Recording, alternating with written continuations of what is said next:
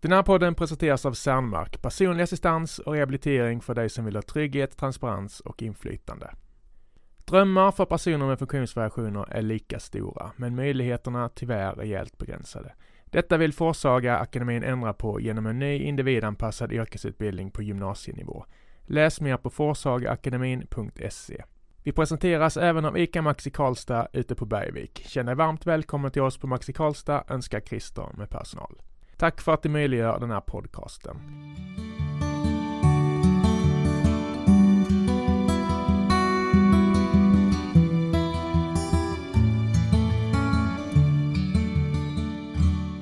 För alla idrottsintresserade i Värmland bör det bli tradition. Bilderna på Linda Johansson med en buckla i handen. Karlstad Crusaders har nämligen tagit hem Superserien tre år i rad. I år satte pandemin stopp, men istället sitter hon här framför mig i poddstudion. Välkommen hit Linda!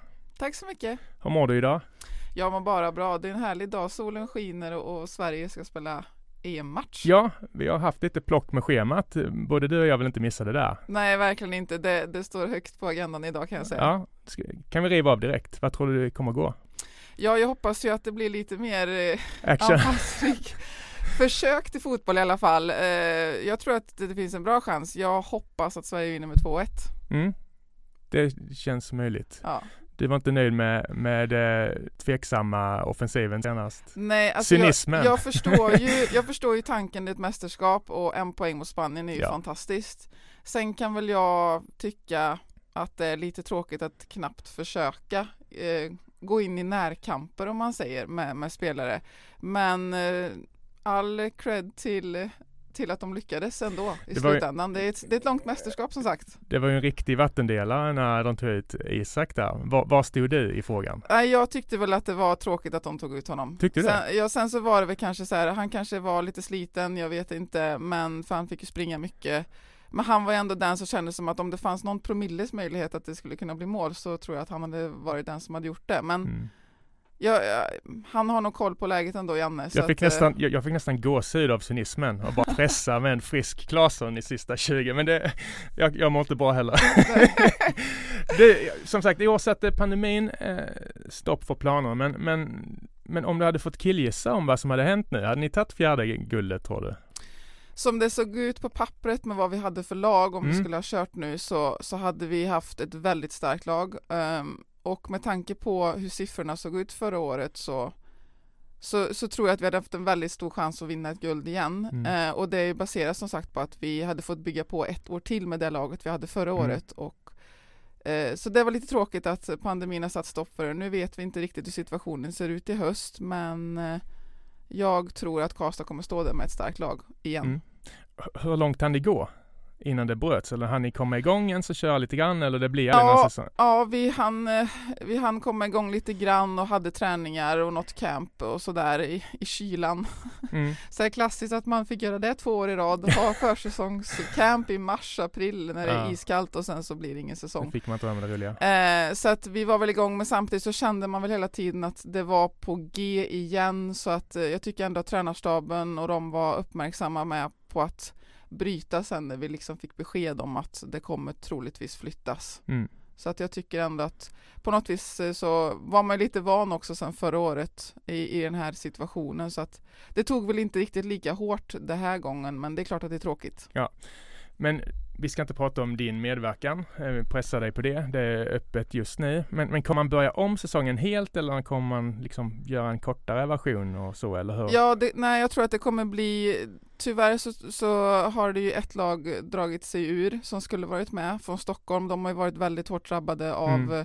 av pandemin i att de inte har kunnat träna och sen så har jag kanske spelarna gjort andra planer för hösten så Arlanda har tyvärr dragit sig ur så att det har ju påverkat ganska mycket ändå. Ehm, så att jag, jag vet faktiskt inte i dagsläget hur, hur liksom det kommer se men det, eftersom herrarna också får en väldigt förkortad variant, de kör ju nu i och för sig, så tror jag Mm. även att det säkert kanske kommer bli någon jag tror inte det kommer bli samma seriestruktur eller variant som det var tänkt från Nej. början för att det har Det- påverkat lagen olika. Jag förstår det. Mm.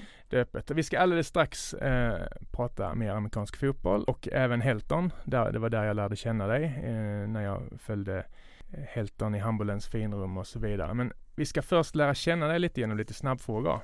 Är du Yes. beredd? Du Ja, ser jag- orolig ut. Du får inte blir kika på lite- pappret. Det blev ganska snällt idag faktiskt. Ja, okej. Fullständigt namn. Linda Marie-Sofie Johansson. Född och uppvuxen i Eh, född 1982 och uppvuxen i Skara. Skara. Mm. Ja, jag var inne och snokade lite och då pratade de om Slätta. Så jag Ja, det. Hade det Västgöta slätta, Ja, in my heart. och då, var, då har man inget val.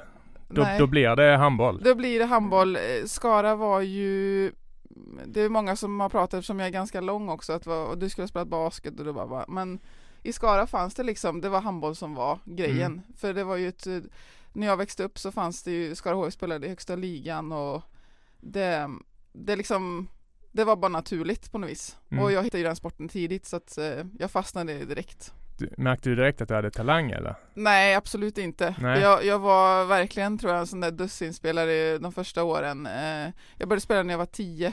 Ja. Sen runt 12-13 fick vi en tränare som började liksom, det var mest lek de första åren. Och det tycker jag var kul att det var liksom på, på skoj. Mm. Eh, så att, men där 12-13 så började det väl bli lite mer fokus på lite form av liksom teknik och, och vad, utveckla spelare och där någonstans så hände det väl någonting. Och Mm. sen så började jag dessutom växa lite i längd så att jag blev längre Mm. och fick till, ja, jag hade ju en bra, ett bra skott har jag hela tiden haft Mm. så det var väl det som, som Mm. utvecklades vidare. Vad gjorde du vid sidan av planen? Som du kan berätta om. Vad gjorde du förutom idrotten i Skara?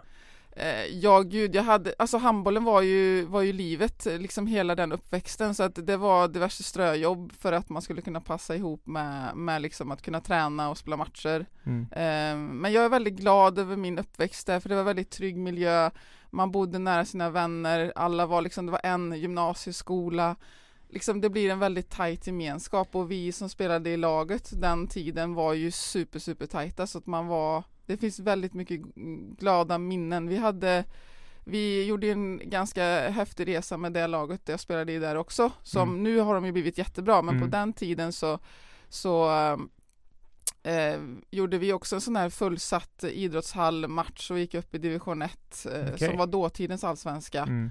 Så att det var, jag fick uppleva mycket med det laget som jag spelade med i Skara också.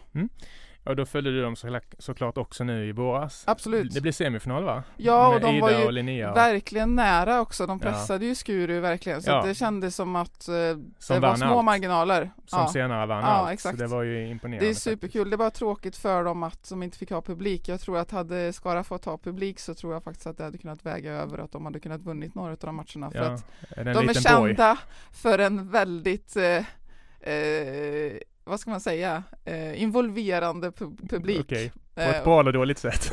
på bra sätt ett för, bra sätt. hemma, för Jag hemmalaget men samtidigt så är det kul som bortalag också att få komma till en sån borg. Publiken sitter väldigt nära Mm. planen på båda sidor Mm. så man blir verkligen omringad och det är ett häftigt stöd att ha i ryggen. Det här önskar du att du kunde. Den blandade kompotten i början som du märker. Ja, jag önskar att jag kunde sjunga Ja, och spela instrument. Var lite, jag önskar att jag kunde vara lite mer musikalisk för jag är helt värdelös på allt som har med musi, musi, musikalitet att göra. men det är väl inte för sent? Nej. Det finns Jag tror inte man kan utanför. lära en, jag, jag tror att det är hopplöst fall. är det så? Ja, det tror jag inte. Eh, har du någon dold talang? Oj. Dold talang. Om jag får säga det själv så är jag jäkligt bra på musikquiz. Okej. Jag tycker Du har kompenserat din, eh, Ja, din jag, ja, exakt. Jag är inte bra på, inkompetens. ja, på att sjunga Faktiskt. eller spela instrument, men eh, när det gäller sådana grejer som musikquiz så, så är jag faktiskt rätt okej. Du är bra på Creedence intro och Ja, typ där. så här lite så här. om det skulle vara ett quiz som var baserat bara på så här årets låtar, då är jag inte så bra. Men just det här lite mer gubbrock, Mm. dansband, slager. Egentligen inte genrer som jag tycker så jättemycket om, men jag, bara, jag vet inte varför det har fastnat i Man huvudet fått- så man kan lite sånt. Man har fått med sig det. Ja, verkligen. Min bästa vän hade beskrivit mig så här. Mm. Eh, lat. Lat, okej. Ja, ja, det tror jag. Eh, omtänksam och vinnarskalle tror jag. Mm. På vilket sätt är du lat?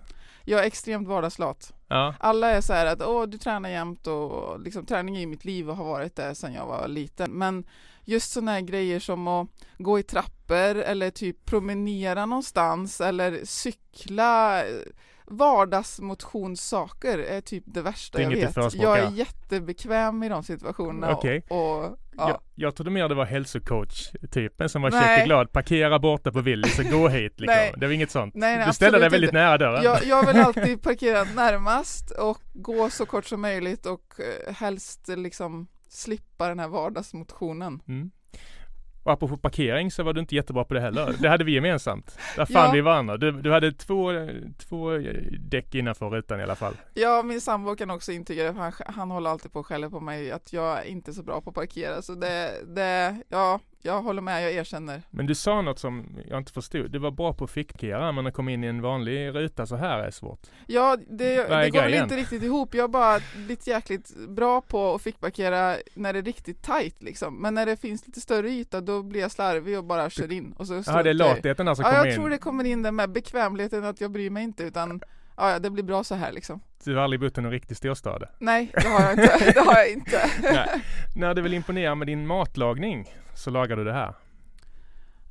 Jag lagar inte mat, då köper jag mat. Om jag ska imponera någon. Jag är är inte, catering. jag, jag är inte någon fena i köket heller. Jag är Nej. bättre på att äta maten. Jag förstår. Ja. Vi ska ju prata om Christian sen, Mm. din sambo. Är Mm. han duktig på sånt där? Kommer... Jag tänker, han, ja alltså det, när vi väljer oss till och kanske lagar något så är det klart att eh, då är vi okej men, men han är nog lite likadan tror jag liksom att det är mer lösa uppgiften och få mat i magen som Okej. är på oss båda tror jag. Intressant. Man skulle Ja. en fluga på väggen där på, på, på helgerna.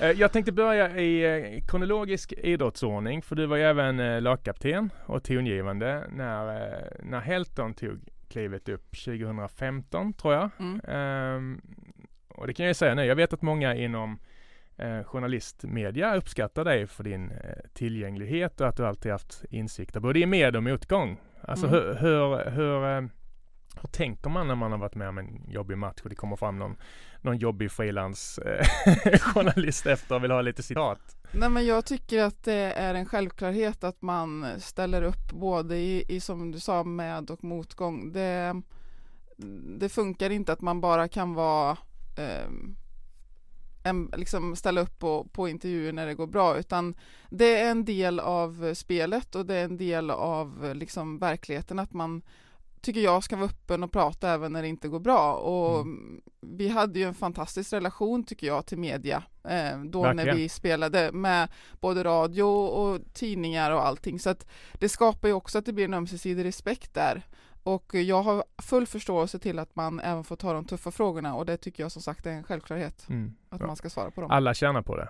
Ja, Om ni är ja. tillgängliga blir folk mer intresserade. Ja men och exakt så. och jag, alla vet ju, det visar ju bara på mänsklighet att det, ibland går det inte bra och då är det ingen idé att försöka förklara bort det utan det är bättre att stå för att nu blev det så här idag och man försöker hitta vilka faktorer det är som har gjort att det blev så men att man försöker jobba vidare på det Mm. och det tror jag som sagt skapade att det blir en ännu bättre relation med både publik och de som läste tidningar och lyssnade på radio etc. Mm. Så.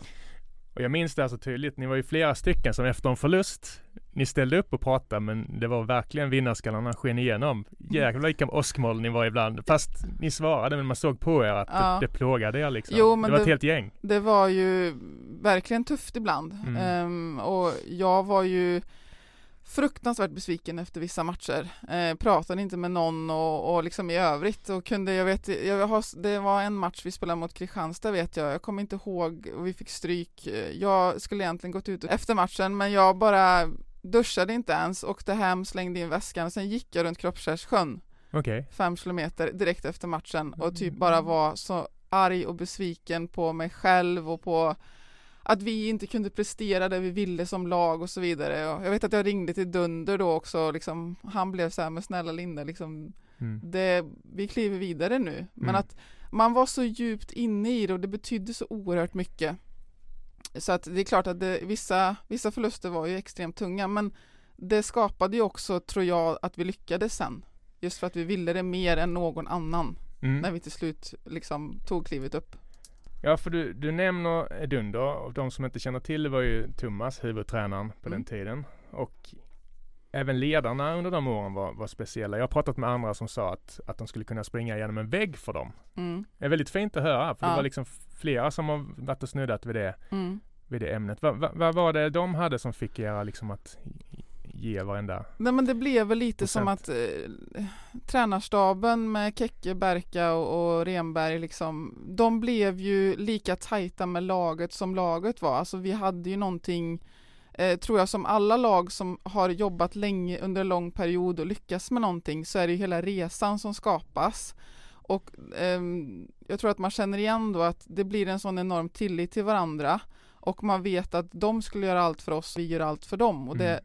det är ingenting som byggs på en säsong. Det Nej. byggs under en lång tid. Och det byggs av att man har tunga förluster och man har vinster som, som bara stärker laget till den grad att man känner att man skulle kunna slå Sävehof. Mm. Alltså vi hade ju en sån attityd inom gruppen att vi kan, vi kan göra vad vi vill. Mm. Även om man på pappret när man såg liksom vilka spelare vi hade så skulle vi inte ha en chans i många matcher. Men vi trodde på det och det var ju det som tycker jag är det häftiga med lagidrott. Mm. Att vilja slår klass och att liksom när man gör en sån, en sån eh, sak tillsammans att det är så oerhört starka krafter och Mm. det det som är min absoluta fascination med lagidrott just. Det är väldigt häftigt att se lokala juniorer.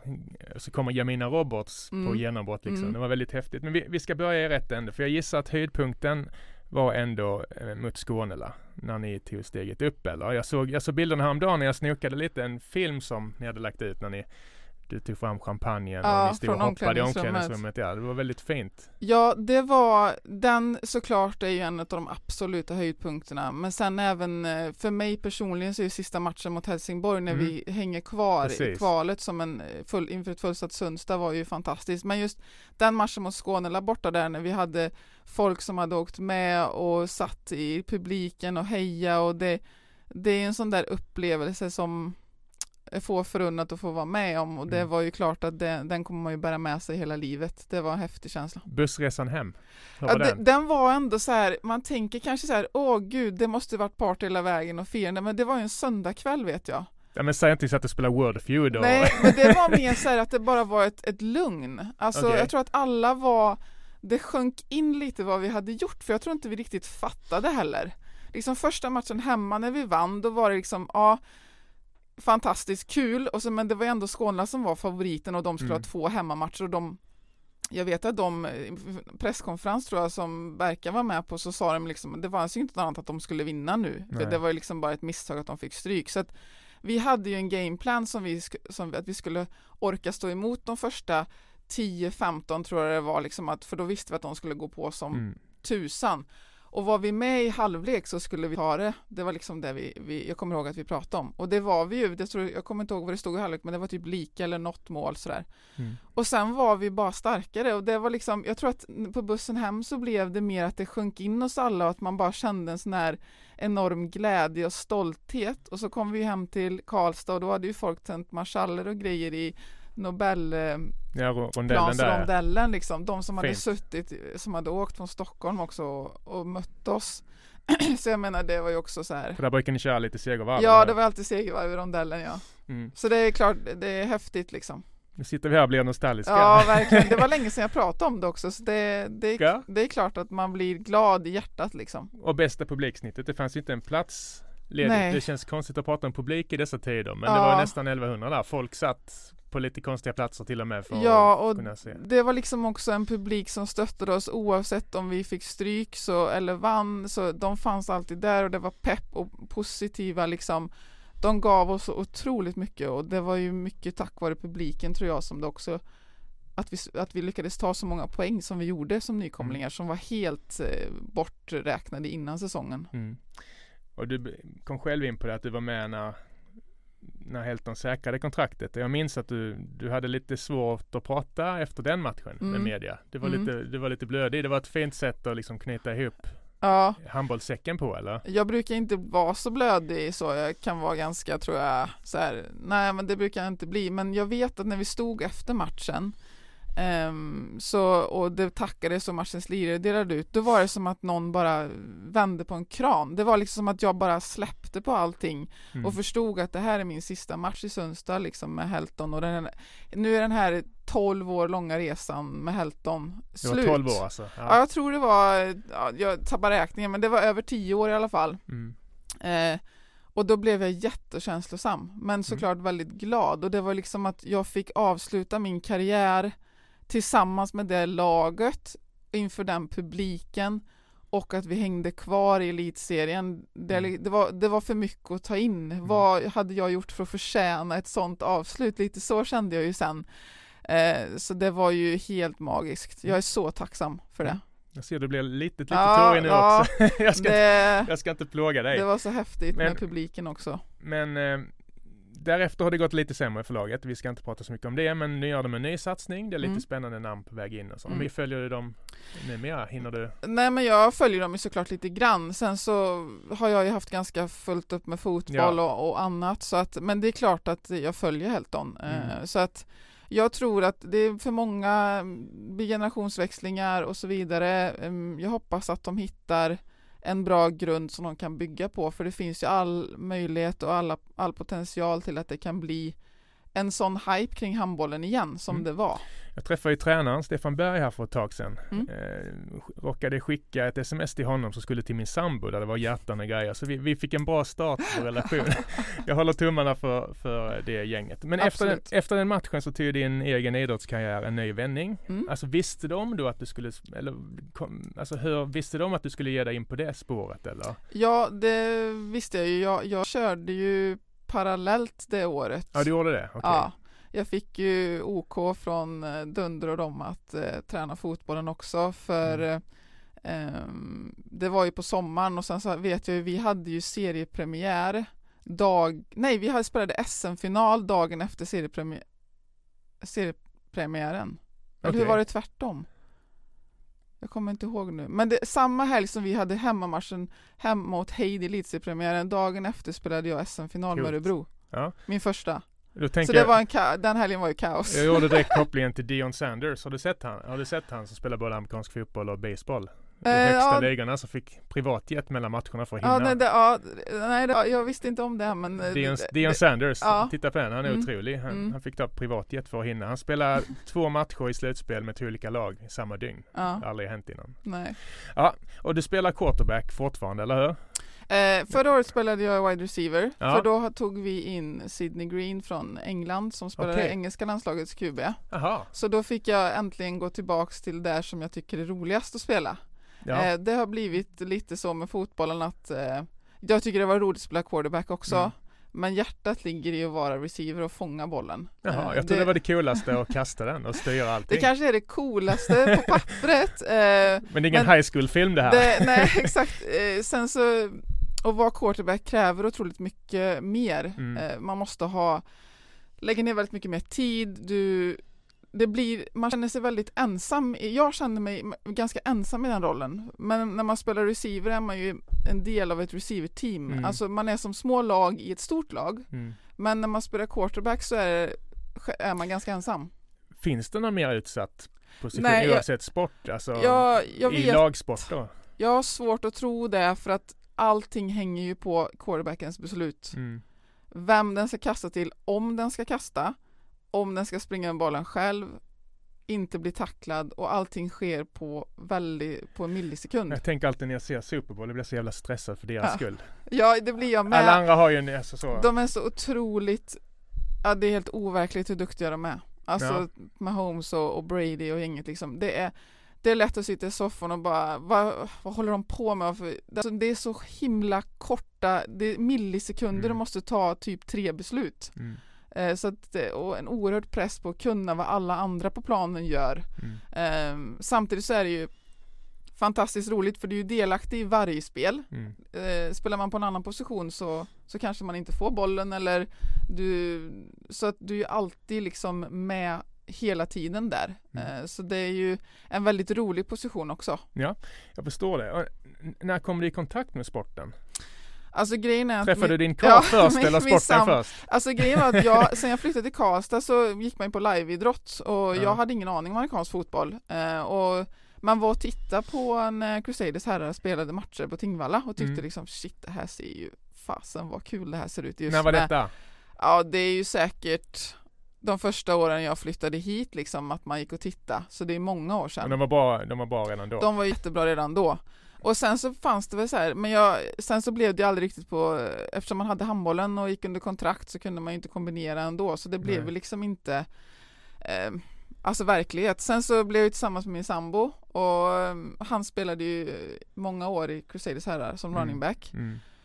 Och jag bara kände sen när man kände att handbollen började bli liksom att det var fasen kul det skulle vara att åka och testa ändå liksom. Mm. Och sen så 2015 så gjorde jag det.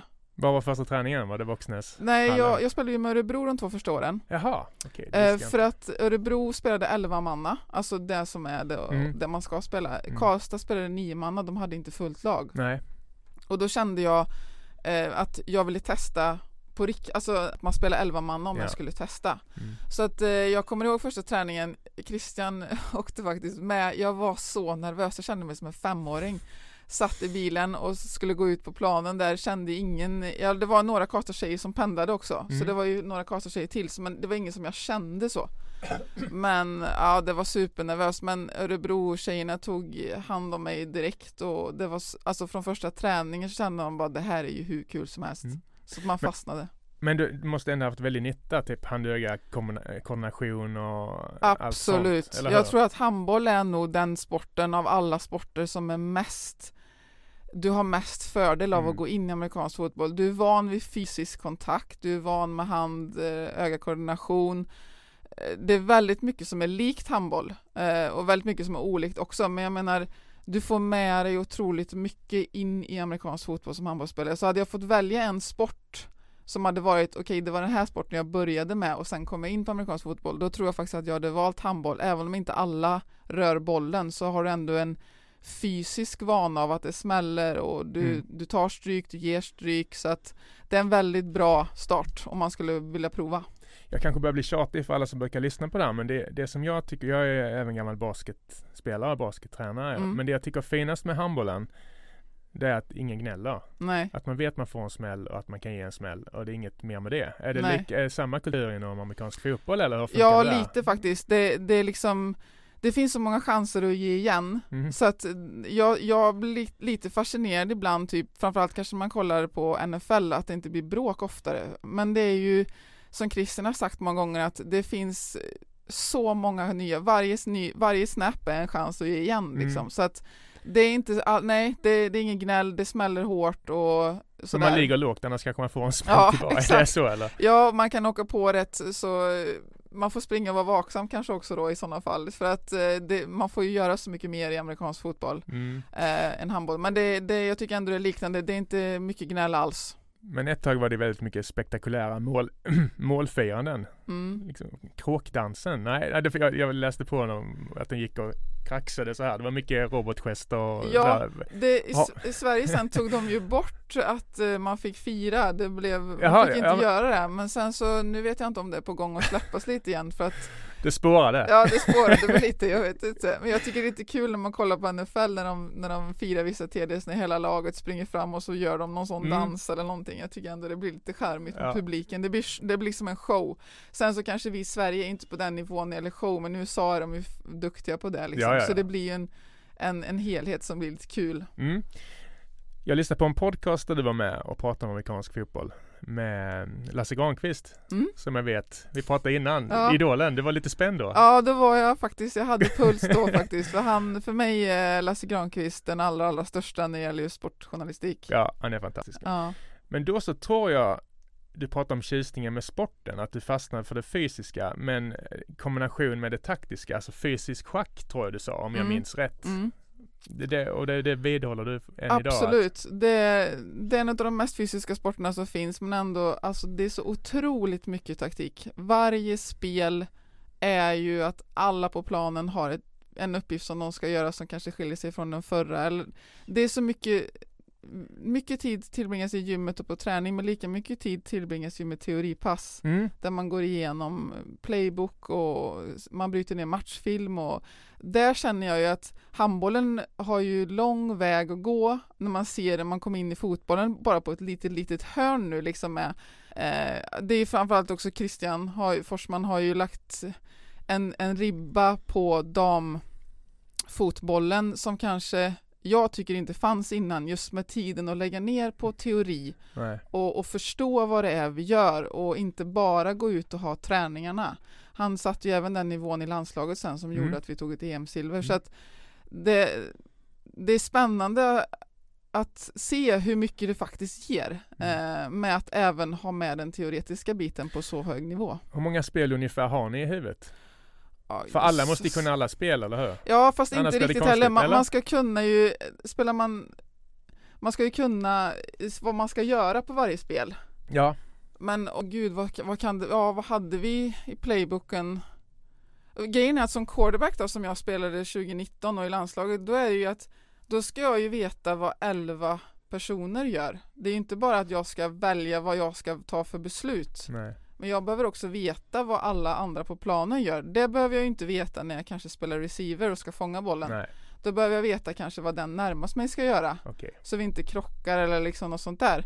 Eh, sen är det klart att ju mer information man har så, så tror jag man, man blir bättre, en bättre spelare. Ja. Så det är ju upp till ens eget ansvar. Men det, det är väldigt många spel i alla fall kan jag säga. Men hur mycket utrymme för improvisation har du från din som wide receiver? Hur mycket, hur mycket får du improvisera? Inte mycket? Typ ingenting. Nej, nu springer jag åttan här. Ja det är så här, även fast jag ser att där är det helt öppet, dit vill jag springa Nej, så, så får går- jag inte det För att direkt. mönstret är konstruerat för att jag kanske ska springa en, en route som det heter, Mm. som bara för någon annan. Ja, Så att det finns inget eh, freebase Nej. eh, för då får man själv sen på teorimötet. kan man sakna det ibland? Alltså Kanske. Art, artistiska Ja lite för att i, i handbollen såklart att där har man ju också haft starter och spel Ja, men där blir det ju mycket mer kanske improvisation Mm. vad som händer här och nu. Eh, så att eh, nej, när det gäller fotbollen är det mer bestämt vad som händer. Mm. Är det. Jag hade en kompis som tränade Ystad, Ystads eh, damlag på, ja, var 15 år sedan nu, men, men han, han tryckte mycket på att det var för han var en liten kub liksom, Mm. 1,65 och 100 pannor. Så han sa det finns en roll för alla, minns Mm. jag att han ofta tryckte på. När jag försökte få honom att förklara varför han älskade sporten så mycket. Mm. Det är något du känner igen såklart eller? Absolut. Ja. Och framförallt ännu mer i fotbollen för där har man ju träff där blir det ju en grupp människor som i handbollen så är man hyfsat samma fysiska, det kanske skiljer lite grann som sagt med, med längd och vikt och snabbhet och så här. men Mm. det känns ändå som att det finns en hyfsad mall för hur man ska se ut och vilka värden du ska ha i liksom mm, hur snabb du springer och hur stark du är. Mm. Men det var ju en av de absolut största grejerna tyckte jag med fotbollen. Att där kom man in och du kunde vara 1,55 vindsnabb och du kunde väga 110 kilo och vara jättestark och eh, explosiv. Och och du kan vara lång, du, alltså det, det finns, där är det så himla olika roller i laget. Du Mm. kanske aldrig rör bollen, du kanske bara är fysisk och tacklas och du kanske bara rör bollen och liksom du springer med den eller du, du är receiver och fångar. Det skapar en dynamik i gruppen som jag inte har varit med om förut. Och det är väldigt häftigt att se att kanske en del personer som inte riktigt har hittat någon idrott för att man kanske är lite större i storleken och eh, kanske varit lite osäker då just med att idrott och sport då ska man vara så här och så här. Mm. I amerikanska fotbollen så kan, då är det liksom de, de som spelar på linjen, både defensiva och offensiva linjen, är oftast lite större i Mm. kroppen. Och de är de, kan, liksom, det är de viktigaste rollerna vi har i laget. För att har vi ingen o-line som skyddar quarterbacken så, så får vi inga spel. Nej. Och det har varit häftigt att se många som har liksom vuxit i att hitta sin roll i en lagsport där man blir en av de viktigaste eh, spelarna Mm. som kanske aldrig riktigt har känt förut att de har hittat hem någonstans Nej. i just idrotten. Och det skapar, ja det är en nästan grym dynamik i samhälls- gruppen. Ja, en samhällsinsats också. Eller vad ska man säga? Nej, inte samhällsinsats, men du förstår att man, Ja. man hittar många in som kommer Ja. in liksom. Och det är väldigt mycket olika bakgrund, det är kampsport, det är hockey, det är handboll. Det skapar också att det, det blir häftigt och rolig sammanhållning. Mm. Så att både i Örebro och i Karlstad så eh, den i, och i landslaget så känner man att det skapar en ny typ av eh, sammanhållning och Mm. den tycker jag är väldigt häftig och, och rolig också för att eh, vara med om den resan, inte bara som med handbollen. Och du nämnde landslaget Mm. och EM-silvret. Mm. Berätta om landslagsupplevelsen. Ja, det, Hur står sig Sverige internationellt? ja, nu står vi oss jättebra. Ja, Ehm, uppenbarligen. Ja, vi, vi förlorade ju mot Finland då i EM som vann, Mm. men vi slog ju sen Finland samma, vi spelade ju på, på sommaren i augusti och sen Mm. har vi ju Finnkampen varje år i, i oktober. Okej. Så vi mötte dem i oktober och då vann vi. Mm. För första gången mot Finland någonsin. Mm. De eh, är ju regerande Europamästare. Någonsin? Är de så Ja. dominanta? De har varit väldigt dominanta. Ja. Eh, så att det har gjort den resan också varit magiskt. Sen jag började spela med landslaget 2015 har jag inte vunnit en match med landslaget. Och då var vi och spelade EM i Spanien också. Mm. Jag, kommer, jag vet faktiskt inte när Sverige senast vann en landskamp innan vi nu åkte iväg på EM. Plötsligt så lyfte det. Ja, och det var hårt jobb av både spelare och coachingstab som gjorde det, men det sattes en ny standard och en ny, en ny attityd även där. Mm. Eh, Att han ställer de kraven han gör på spelarna. Ja, såklart. Och, och hur, är det att ha sin partner som tränare? Jag vet det är en tråkig fråga men det är ändå intressant, eller hur? Ja, men det är klart att det, det har sina fördelar och sina nackdelar kan man väl säga då. Det, eh, nu är jag så pass gammal Ja. och man har varit med eh, genom, med lagidrott i många år och eh, respekt mot tränare och så vidare. Man, jag förstår ju hur samspelet ska fungera i en grupp och i ett landslag finns det liksom ingen, ingen plats för att det ska bli tjafs som handlar Nej. som blir interna. Så att jag tror att vi båda har nästan hållit en extremt professionell attityd till det när vi har haft, eh, när vi har varit iväg. Mm. Det är nästan så att vi har pratat mindre med varandra än vad vi kanske hade gjort om jag bara hade varit en, en random spelare. Rimligt Alltså, så att båda har väl varit extremt noga med att just vara proffsiga med det här. Så att det har ändå funkat bra, men det är klart att sen hemma har det ju bråkats och tjafsats en del, det kan, eller bråkas är att ta i, men det har väl varit tjafs eh, Det sådär. är då ni rensar luften? Ja, men det är just Men man, att kan, men man kan ta stränga uppmaningar på allvar liksom? så- Ja, det har såklart. jag absolut. Jag har all full respekt för Christians kompetens och kunskap, så där jag lägger mig platt när det liksom gäller att eh, vad han kräver av sina spelare och vad han kräver av mig som Mm. spelare. Det hade varit skillnad tror jag om det hade liksom varit att han skulle komma in och vara handbollstränare. Då hade det nog inte funkat. Nej. Men nu liksom Du handlar det om att jag det. vet att jag är inne på hans expertisområde och jag är en nybörjare enligt hans mått mätt. Och då är det liksom inga problem med att hålla det professionellt. Du har varit som en svamp liksom som Ja, åt ja, verkligen. Ja. Och det är liksom Sen så tycker jag det har varit en väldigt rolig resa också, vi har kunnat göra den tillsammans. Mm. Så att eh, det har ju bara varit fördelar. Sen tycker jag att han är en fantastisk tränare också, så jag är glad över att han har lagt ner tid och energi på både Karlstads damer och landslaget för Mm. att det har höjt oss. Se om jag får träffa honom här någon gång. Ja. Vi kan väl lägga ett gott ord. Ja, absolut, det ska jag göra. Men vad, vad har han för eh, ledarstil? Han är väldigt auktoritär. Ja. Det är lite, han är lite old school. Eh, just med det här med, han är väldigt noga, alltså han ger kritik. Mm. Han ställer hårda krav. Han gör ingen skillnad på, när han kom in i Karlstad, han har aldrig gjort någon skillnad på dam och herre. Han vill, han vill ha samma krav Mm. på, på alla spelare. Befriande. Ja, och väldigt skönt som Ja. sagt. Det, jag är också van vid att ha haft många tränare som har varit ganska tuffa. Mm. Så för mig har det aldrig varit något problem. Men jag kan tänka mig att alla har nog inte riktigt varit vana vid det heller. Så att eh, det är ju liksom, men jag tycker att det ska vara så. Det är Mm. min eh, personliga åsikt. Så att Mm. ja, mycket kunskap och han lägger ner oerhört mycket tid för att det ska bli bra också. Så det är jag ju full respekt för också. Och när jag träffar dig, jag tänker på dig, så tänker jag även på Karin Åhlén. Mm. Vi måste prata lite om henne. Ni känns som ett gift par. Ni har, ni har följt varandra nu. Det börjar nästan bli... Nu såg jag att du har börjat med crossfit också. men- Ja, ja, Men- nej men ja, Karin, ja, det, vad ska man säga, vi har gjort, vi har fått uppleva väldigt mycket tillsammans och Mm. hon och jag känns lite som att vi blir en trygghet för varandra inom idrotten. Sen är vi ju vänner på sidan också, Ja. men, men just när det kommer till det idrottsliga så är ju Karin, jag känner ju att jag litar på henne till 100% när jag har henne bredvid mig. Mm. Jag vill, liksom, när det, oavsett om det är på handbollsplan eller eh, fotbollsplanen så vi kan läsa varandras tankar ibland känns det som och jag vet att hon kommer liksom ge allt i alla lägen för mig och jag kommer göra detsamma för henne Mm. och det är ett häftigt band att ha med någon men det är ju för att vi har tränat tillsammans i så många år och eh, fått uppleva så mycket tillsammans. Men det är klart att, att jag fick in henne på amerikanska fotbollen det är också stor del till att vi har varit framgångsrika. Mm. För att Karin är en helt makalös atlet. Vilken jävla resa hon har gjort. Ja. Det tog inte lång tid Nej, henne att lära sig. men jag visste ju det att skulle hon börja, det var därför jag verkligen ville få in henne för hon, jag, jag kände ju det efter de åren, jag hade spelat bara, jag måste få in Karin på det här Mm. för hon kommer älska det här liksom. Mm. Hon får göra typ vad hon vill, hon behöver inte tänka på steg, hon kan bara springa. Hon är running back, Alltså hon är både running back och receiver. Okej, vad, är- vad är skillnaden? Alltså running back är den som står Då- bredvid då quarterbacken och som får bollen och iväg. springer ja, Det är direkt. For, Forrest Gump. Ja, Run- typ. run ja, Karin. ja, typ. Och sen så om man är receiver så springer du och kan få Ja. bollen passad. Mm. Men hon är, även, hon är även duktig på, hon är på defensiva linjen så spelar hon ju end och det är att man ska tackla Ja. quarterbacken. Ja. Hon är ju så fruktansvärt explosiv och stark och det finns ju ingen eh, som har större vinnarskalle än Karin liksom. Hon Nej. går ju över lik Hon spelar att- både offensivt det, Ja. Har lite det?